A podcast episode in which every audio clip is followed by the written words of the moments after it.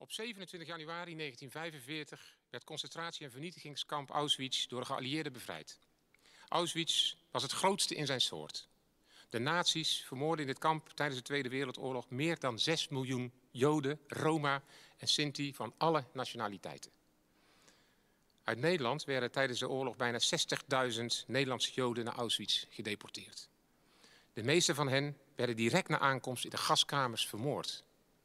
In de jaren 90 van de vorige eeuw werd de bevrijdingsdag van Auschwitz uitgeroepen tot herdenkingsdag van alle slachtoffers van de nazi's.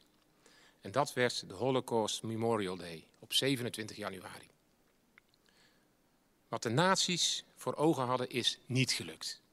De levens van 171 Joodse zaankanters die door hen werden vermoord zijn niet uitgewist. Daar zorgt de Joodse begraafplaats voor. Daar zorgt het Joods gedenkboek voor. En daar zorgen wij hier samen voor. Door vandaag samen op Holocaust Memorial Day deze gruwelen te herdenken. Een dag die alleen maar belangrijker wordt. Want hoe langer de oorlog achter ons ligt, hoe langer Auschwitz achter ons ligt, hoe minder overlevenden nog in leven zijn, des te belangrijker is het dat we zorgen dat we niet vergeten wat er gebeurd is. Voor onszelf en voor de jongere generaties. Dat Zaandam als eerste gemeente in Nederland judenvrij werd gemaakt, is een pijnlijke zwarte bladzijde in onze geschiedenis. Daarmee werd de complete gemeenschap, met een eigen religie, met een eigen cultuur, vrijwel weggevaagd uit onze streek.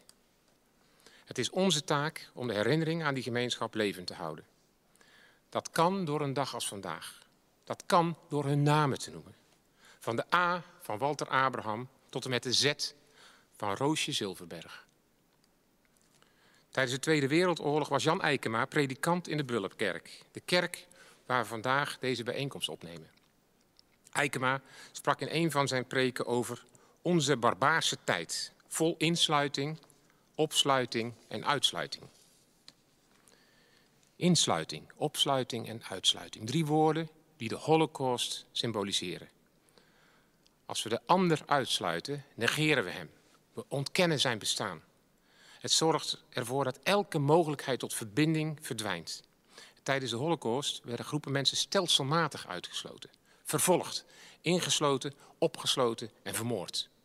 Een hartverscheurende gedachte, nog steeds. Maar niet iedereen sloot de ogen. Dominee Eikema sprak zich hier in de Bullenkerk uit. Hij speelde een actieve rol in het Zaanse verzet.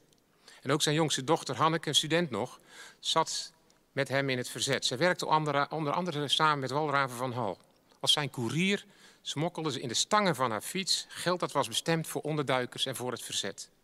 Dominee Eikema en zijn dochter Hanneke en Walraven van Hal, zij stonden op. Zij en anderen keerden zich tegen de uitsluiting en tegen de bezetter. Door zich tegen de uitsluiting te keren, verbond het Saamse verzet zich met het lot van de Joden. Zo'n 450 Joden doken onder in de Zaanstreek.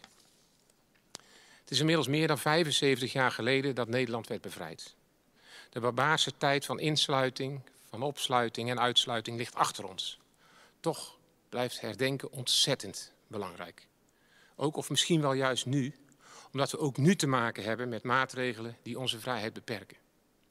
Er zijn mensen die vergelijkingen trekken tussen toen en nu. Wat mij betreft is dat niet aan de orde. Toen bepaalde ras of afkomst de mate van je vrijheid. Nu geven we vrijheid op voor ons aller gezondheid. Toen hadden we te maken met een dictatuur. Nu zijn de besluiten die de vrijheid beperken democratisch genomen. Alleen daarom al gaat deze vergelijking mank. Deze dag is ook een dag om ons te waarschuwen. Dat wat er toen gebeurde, dat kan ook nu weer gebeuren. Intolerantie, discriminatie, uitsluiting van de ander, geweld tegen andersdenkenden, tegen andersgelovigen. Het is helaas geen geschiedenis, maar ook nu nog steeds aan de orde van de dag.